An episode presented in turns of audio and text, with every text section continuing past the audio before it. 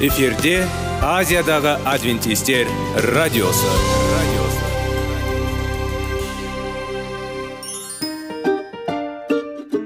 Сәлем достар. Денсаулық өмір бұлағы және біздің бірінші байлығымыз демекші денсаулық сағаты рубрикасына қош келдіңіздер.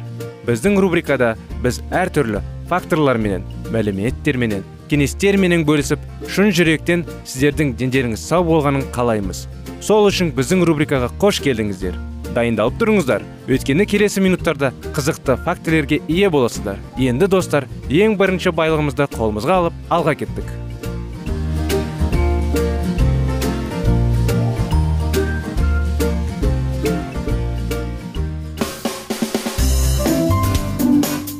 Денсаулық туралы хабар. Денсаулықтың ашылуы.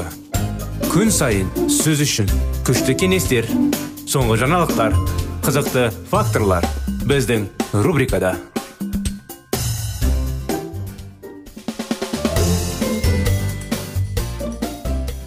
сәлем достар армысыздар ассалаумағалейкум құрметті біздің радио тыңдаушыларымыз сіздермен бірге денсаулық сағат бағдарламасы біздің бағдарламаға қош келдіңіздер сіздердің назарларыңызға біз әрдайым денсаулыққа пайдалы кеңестер мәліметтер фактілер алып кеңестер аламыз соның барлығында біз жеміс жидектер жайлы дұрыс әдеттер жайлы ең бастысы денсаулықты күту жайлы әрине ауруды алдын ала алатындай тақырыптарды денсаулықты күтсек әрине әрдайым өзімізді керемет сезінеміз. Көңіл күйіміз денсаулығымыз өзімізде жанымыздағы адамдар да бақытты болуға тырысады. Сонда құрметті достар әрине болашақта өмірімізді ұзақ ұзартуға да болады. Расында да.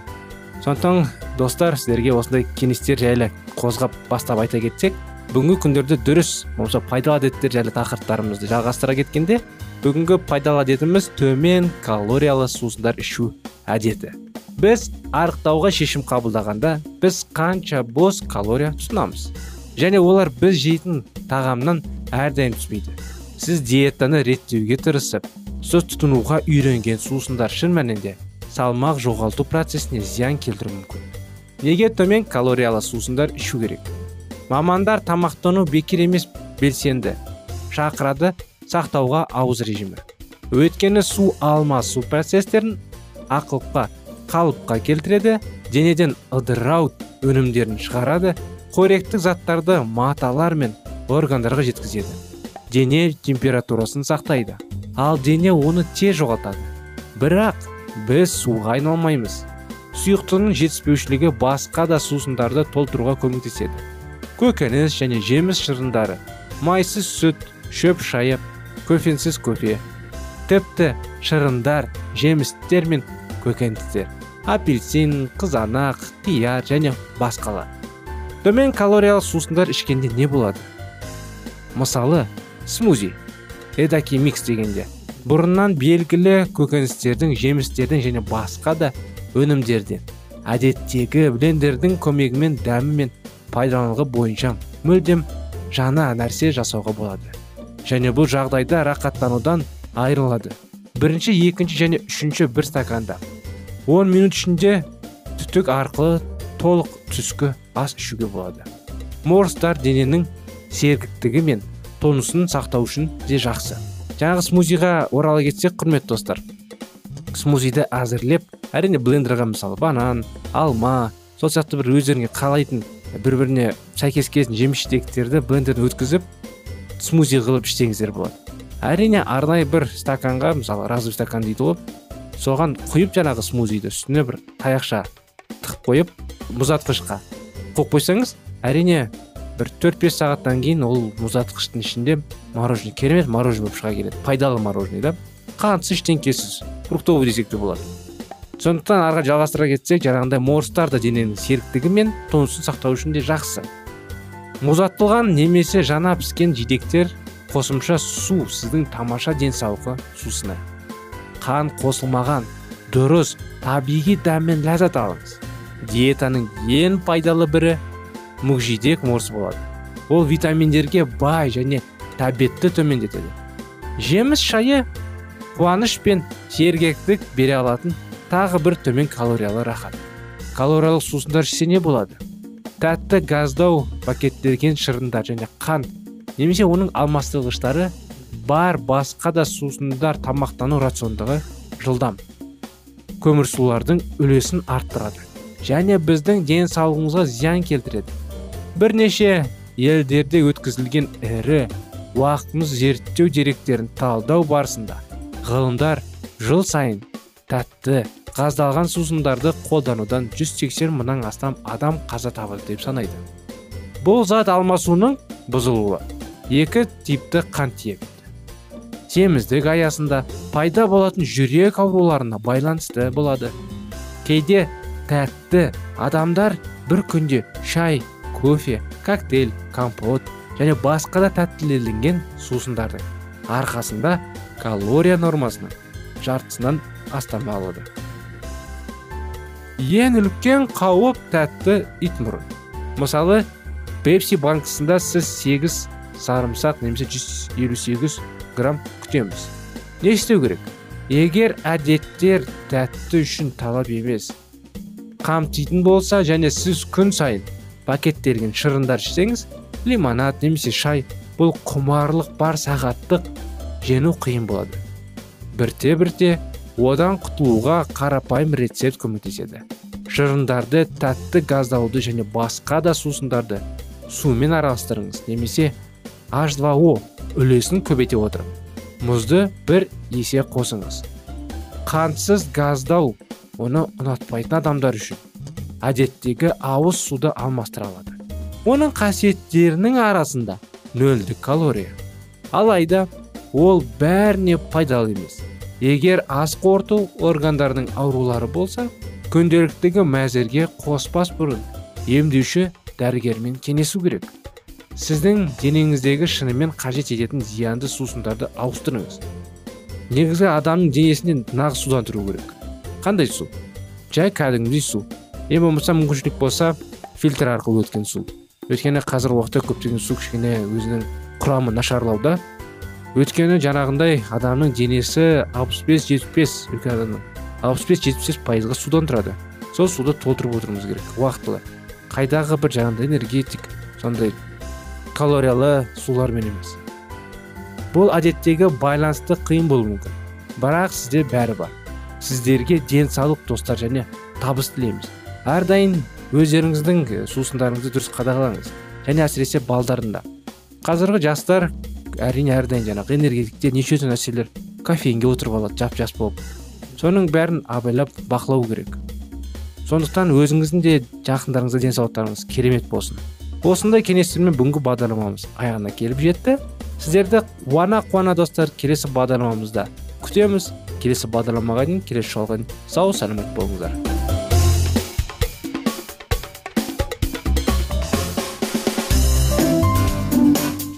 Денсаулық туралы хабар. Денсаулықтың ашылуы. Күн сайын сөз үшін күшті кеңестер соңғы жаңалықтар қызықты факторлар біздің рубрикада.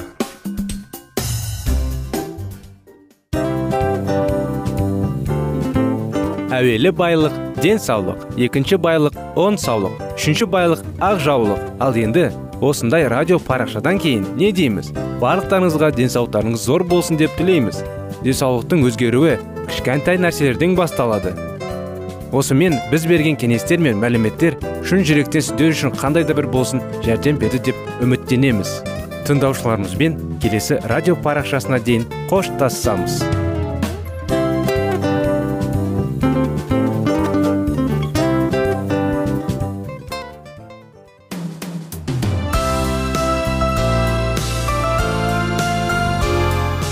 эфирде азиядағы адвентистер радиосы. Радиосы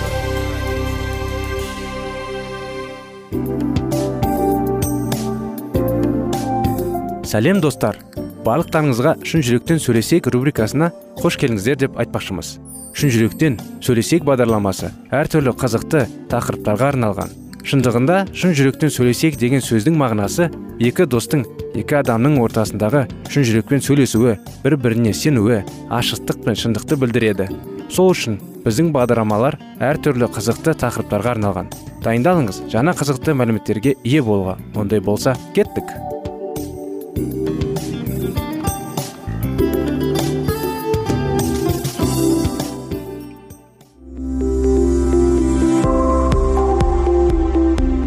Сөздер. Сырласу қарым қатынас жайлы кеңестер мен қызықты тақырыптар. Шын жүректен сөйлесейік рубрикасында.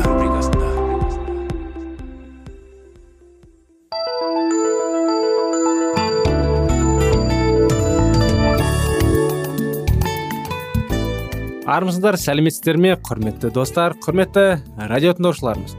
Сіздерменен бірге шын жүректен сөйлесейік бағдарламасы. Достар сіздермен бірге шектеулер кітабын жалғастырамыз естеріңізде болса шектеулерді міне қарым қатынас жайлы біздің тақырыпта әрине адамдар бір бірлеріне мұқтаж болады. Бірақ құдайдан өзге орны толмас ешкім жоқ. Егер өзіміз үшін маңызды адаммен болған келіспеушілік бізді торығуға мәжбүрлейтін болса онда ол адамды тек құдайға ғана тиесілі тұғырға қойған болуымыз мүмкін. Белгілі бір адамды әлемдегі бар жақсылықты бастауы ретінде қарастыруға ешқашанда болмайды. Бұл сіздің сезімдік және рухани еркіндігіңізге және сондай ақ дамуыңызға кесім тигізеді. Өзіңізден егер менің бетімде қайтармайтын адам бүгін кешке өліп қалатын болса онда кімге барамын? Деп сұрап көріңіз. Терең мағыналы қарым қатынас орнататын бірнеше достарыңыз болуының маңызды етеді бұл жақындарыңыздың өздерін кінәлі сезінмезден сізге жоқ деп айтуына ерік береді. Себебі олар осы тілегіңізбен басқа адамға бара алатыныңызды білетін болады. Егер сіздің өміріңізде оның жоқ деген сөзін естігіңіз келмейтін адамдар болса онда бұл сіз өміріңізді басқаруды соны қолына беріп қойдыңыз деген сөз. Сізбен араласпай қоятын айтып қорқыту арқылы ол сізге қалағанын істей алады. Мұндай жағдайлар ерлі зайыптылардың бірі үнемі кетіп қалатын айтып екіншісі сезімдік бапсалдауын торында ұстайтын неліктерді жиі кездеседі. Мұндай жағдайларда өмір сүрудің мүмкін еместігін былай қоғайды ол тіпті әрекет етпейді де.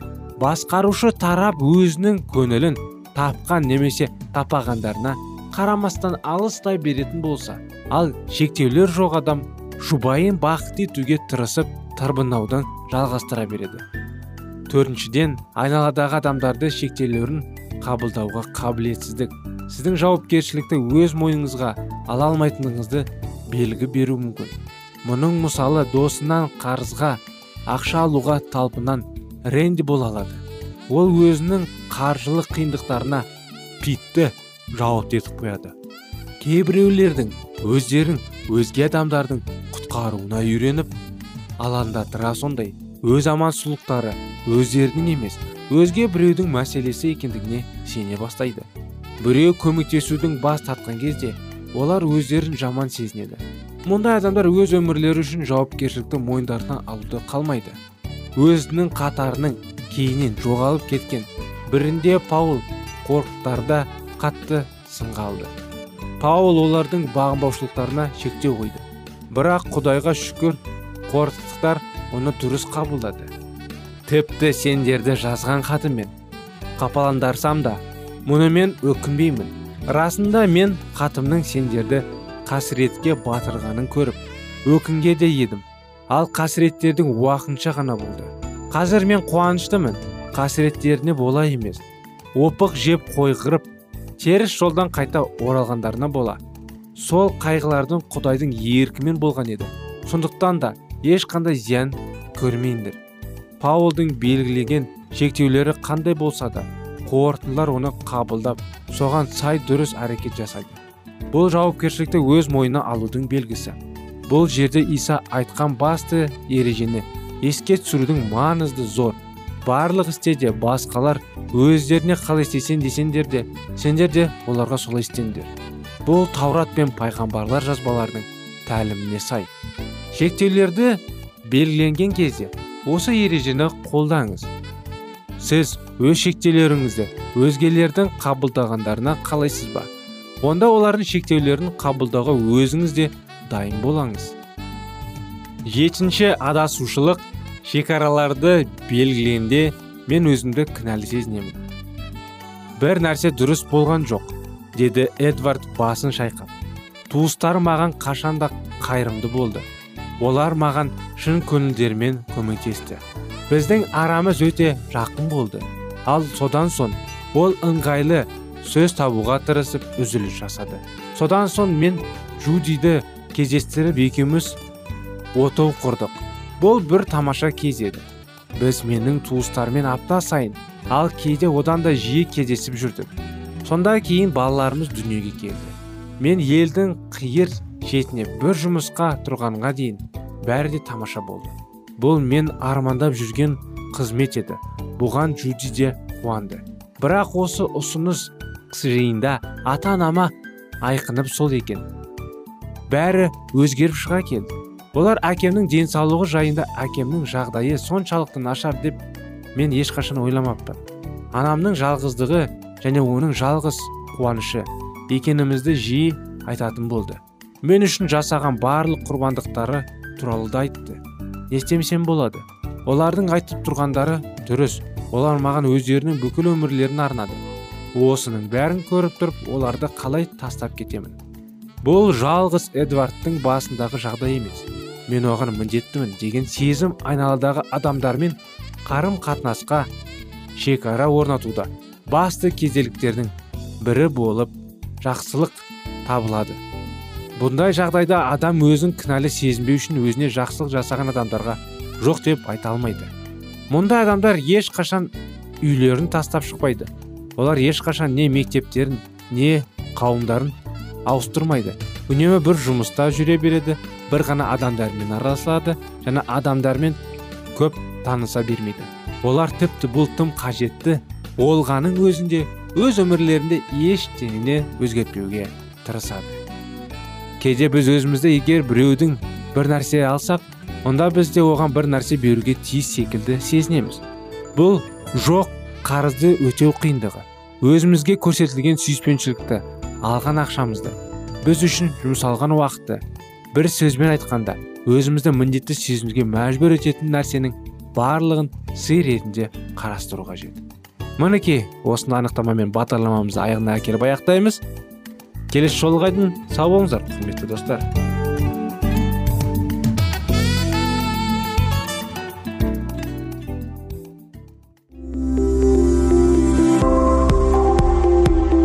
Алтын сөздер. Сырласу. Қарым қатынас жайлы кеңестер мен қызықты тақырыптар. Шын жүректен сөйлесейік рубрикасында.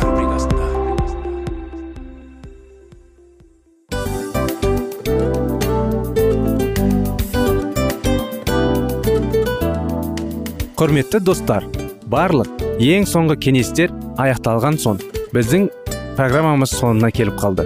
Осы біздің мәліметтер осы рубрикада айтылған әрбір сөздер сіздерге өзінің қандай да бір пайдасын алып келді деп шын жүректен сенеміз. Және бұдан да көптеген рубрикаларымыз бар. Басқа рубрикаларымызда біздің зерттеулерімізде сіздер үшін тағы да қызықты мәліметтер дайын.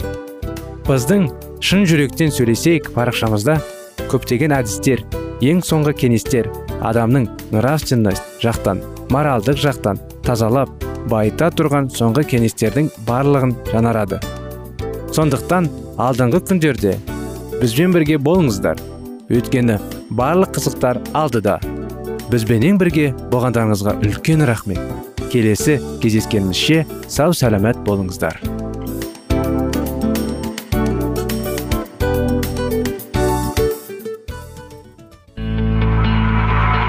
Жан дүниеңді байытқан жүрегіңді жаңғыртқан өмірдің мағынасын ойландырған рухани жаңғыру. Рубрикасы.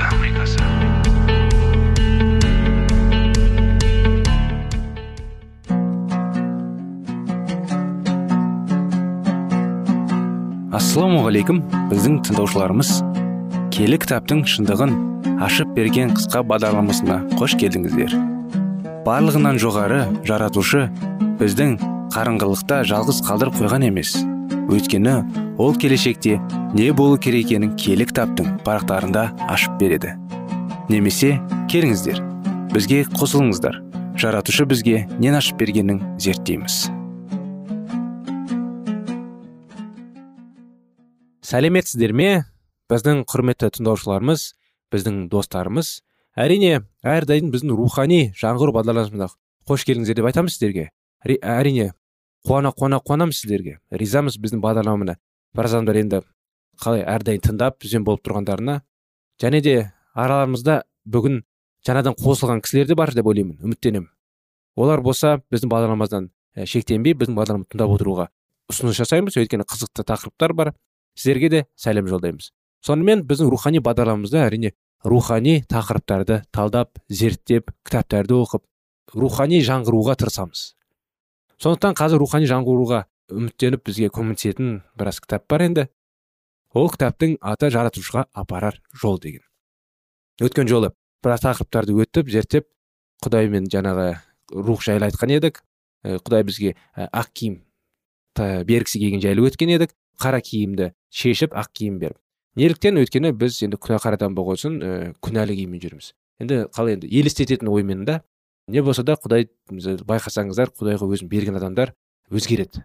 Расында да. Сөздері қылқы істері киім түрісі жүрісі дегендей. Ішетін адамдар өмірін құдайға берсе енді ол сәйкес келмеген соң ол әрине құлап алынып қалады өмірден. Сондықтан жалғасында былай дейді. Құдайдың рақымшылығында жаңадан сенім артып келе жатқандар үшін екі жағдайда қауіп бар. Біріншіден жоғарыда аттап өтілгеннен адам баласы өзінің игілікте істері арқылы. Құдаймен келісімге келеді дәу кетіп пікір. Өз күшімен заңды сақтау арқылы қасиеттілікке жетемін дегендер өздерін сәтсіздікке ұшыратады. Адамның исасыз жасаған барлық істері өзімшілік және күнәқарлық сияқты жағымсыз қылыққа бағынған. Өйткені біз сенім тұрғымызда ғана мәсіхтің рақымшылық істеріне ортақ боламыз. Сенің арқылы сенім арқылы мәсіхтен алған рақымшылықты арқылы ғана біз киелікке қол жеткіземіз. Иса деген сенім құдайдың заңдарын орындаудан бас тартады деген жақсы түсінік бізді адастыру хат. Өйткені біз исаға деген сенім арқылы оның рақымына қатысты бола деген сенімді алақтардан біздің ісімізден құтқарылуымызға ешқандай қатысы жоқ. Бірақ біз жаратқан иеміздің бұйрығына мойын ұсынып оларды мүтіксіз орындау өзіміздің алдымызға қойылған талаптарды сырт көзге көрінетіне ғана естеп орындамай жалпына бірдей тәріппен құдай әкеге ерекше сүйіспеншілік сезіммен мойын ұсына отырып орындау арқылы қызмет өту болмақ. Құдайдың заны оның тәңірлік ғибадатын жарқын көрінісі болып табылады. Тәңірлік сүйіспеншілік аспан мен жердегі тәңірлік басқаруларда негізі болғандықтан құдай әкеге мойын ұсынып бағыну осы сүйіспеншіліктердің ұлы мақсаттарын іске асыру болып табылады. Егер біздің бойымызда құдайға ұқсаста болса егер біздің құдайдың заңдарын орындау табиғи құбылыс емес пе? Адамның жан дүниесі өзін жаратқан құдайдың кейіп бейнесі бойынша жанарып өзгерген болса оның үстінен жаңа өсиетін уәделері орындалады. Бұл менің кейінірек олармен жасайтын келісімім. Мен тығылымымды жүрекстеріне құямын. Ой саналарына жазып та қоямын еврейлікке арналған хаттың оның он алтында. Егер заң жүректе жазылса сонда ол өмірге әсер ете ала ма? Жақсы көре отырып тіл алып қызмет ету исаға қатынсыз барлығынан сенімді белгісі. Келе жазбада былай деп жазылған. Өсиеттерін орындағаныңыз құдайды сүйгеніміз. Оларды орындау қиын емес. Құдайды танимын деп тұра оның өсиеттерін орындаймын кісі өтірікші орындамайтын кісі өтірікші болып шығады әрине. Оның жан дүниесінің шындық орын алған жоқ. Бірінші жохан бесінші тарау үшінші аят екінші тарау төртінші аят. Сенім адамды мойын ұсынып бағынушылыққа баспаздайды сенім арқылы біз исаның рақымын ие болып өйткені ол біздің сенімімізді қабылдап мойын ұсынылықта бет бұрғанымыз үшін қуат береді. Біз тек қана мойын ұсынулыққа арқасында құтқарыла аламыз. Құдай әке құтқарылуды тегін береді. Оны біз шынайы сезіммен қабылдауымыз керек. Тіл алып мойын ұсыну шынайы сенімнің екі жемісі. Ал мәсіхтің күнәларымызды алып тастауға келмегі және өзінің ешқандай күнә жасамағының белгісіндер. Сондықтан кім мәсіхпен тығыз байланыста тұрса сол күнә жасамайды. Күнә жасайтын әркім оның көргенде де таныған емес. Бірінші жохан үшінші тарау бес пен алтыншы аят. Осылайша біздің сеніміміз сыналды. Егер біз исамен бірге болып жаратушы иенің тәңірлік сүйіспеншілігін біздің бойымызда болатын болса онда құдайдың киелі заңында көрестіліндей біздердің сезімдеріміз ой сынамыз ниеттеріміз және іс амалдарымыз оның еркіне сай болады. Балаларым менің сендерді ешкім де күнә жасауға азғырмасын. Әділдік істеуші адам мәсіхтің өзі сияқты әділ болады. Құдайдың синай тауында берген он өсетінің тұратын құдайдың заны тақуақтық әділеттік жұмысын өлшемі болады. Мәсіхпен бірге болу арқылы сенімге жату. Адамды құдайға мойын ұсыну қажеттілігін босатады деген пікір дұрыс емес. Бұл өзімділік белгісі. Құдайдың рахыммен сенім арқылы құтқарылыңдар. Алайда егер сенім игі іс әрекет тудырмаса ол өлі сенім. Иса жерге келместен бұрын өзі туралы былай деп айтқан еді. Құдайды құдайым менің. Мен сенің еркіңді орындағым келеді. Ал сенің заның менің жүрегімде. Өзі аспанға көтеріле алдында иса былай деген еді. Егер құдайдың өсиеттерін орындасақ құдайды жақыннан танитынымызды білеміз. Онымен қатынасты тұрамын дейтін кісі иса мәсіхке қалай өмір сүрген болса солай өмір сүре тиіс. Өйткені мәсіхтің өзі бізге бола азап шегіп үлгі қалдырып сондықтан оның ізімен жүруіміз керек. Біздің арғы ата бабаларымыз жұмақта өмір сүрген кезінде күнәрлық жасағанға дейінгі уақыттарда және әрқашан мәңгілік өмірге қол жеткізудің шарттары құдайдың заңына толығынан мойын ұстану әділеттілік іс жасау болған. Егер мәңгілік өмірге қол жеткізу үшін қандай да бір аз шарттар қойылған болса онда бүкіл әлем дүниесінде қауіп төнген болар еді. Яғни бітпейтін азап таусылмайтын қайғы қасіретті алып келетін күнәқарлық мәңгілік орнауға мүмкін еді. Мінекей достар бағдарламаның аясына келіп қалдық қорытындыға қорытынды шешейік. Қандай қорытынды? Әрине әр адам біз мен иса мәсіхпен бірге болдым деген сөз әрине оның иса мәсіхке сәйкес келу керек кейбір адамдар қойшы иса мәсіх киелі болған оның өмірі ә, ол сияқты мен істей алмаймын дейді. Ол сияқты киелі бола алмаймын ол сияқты күнәсіз жүре алмаймын деп. Иса адамның денесімен жүріп күнә жасамай құдайдың заңымен жүріп бізге қалай енді тәсіл қалдырып кетті. Осылай істеуге болады бәрі мүмкін. Иса арқасында. Сонымен достар келесі жолға сіздермен қоштасамыз. Бізбен болғандарыңызға рахмет. Сау саламатта болыңыздар.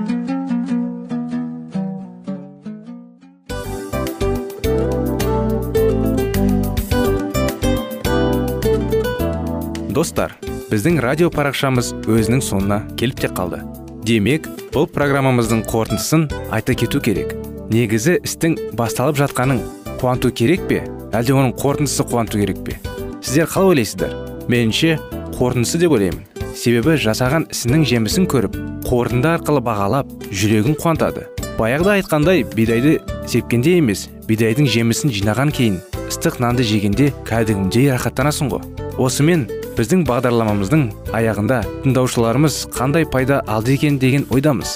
Егерде өткен сфераларда пайдалы кеңес алған болсаңыз біз өзіміздің мақсатымызға жеткеніміз. Бүгінгі 24 сағаттың алтындай жарты сағатын бізге бөліп ардағаныңыз үшін рахмет. Келесі кездескенімізше қош сау болыңыздар. Достар біздің бағдарлама бойынша сұрақтарыңыз болса әрине сіздерге керекті анықтама керек болса біздің whatsapp нөмірімізге хабарлассаңыздар болады. Плюс бір үш жүз бір жеті жүз алпыс алпыс жетпіс. Иә достар сіздер қателеспедіңіздер бұл біздің номерлерге ұқсас болмаса да бұл whatsapp номер арнайы. Хабарласыңыздар сұрақтарыңызды қойып тұрыңыздар. Анықтаманы алып тұрыңыздар. Плюс бір үш жүз бір жеті жүз алпыс алпыс жетпіс ватсап номері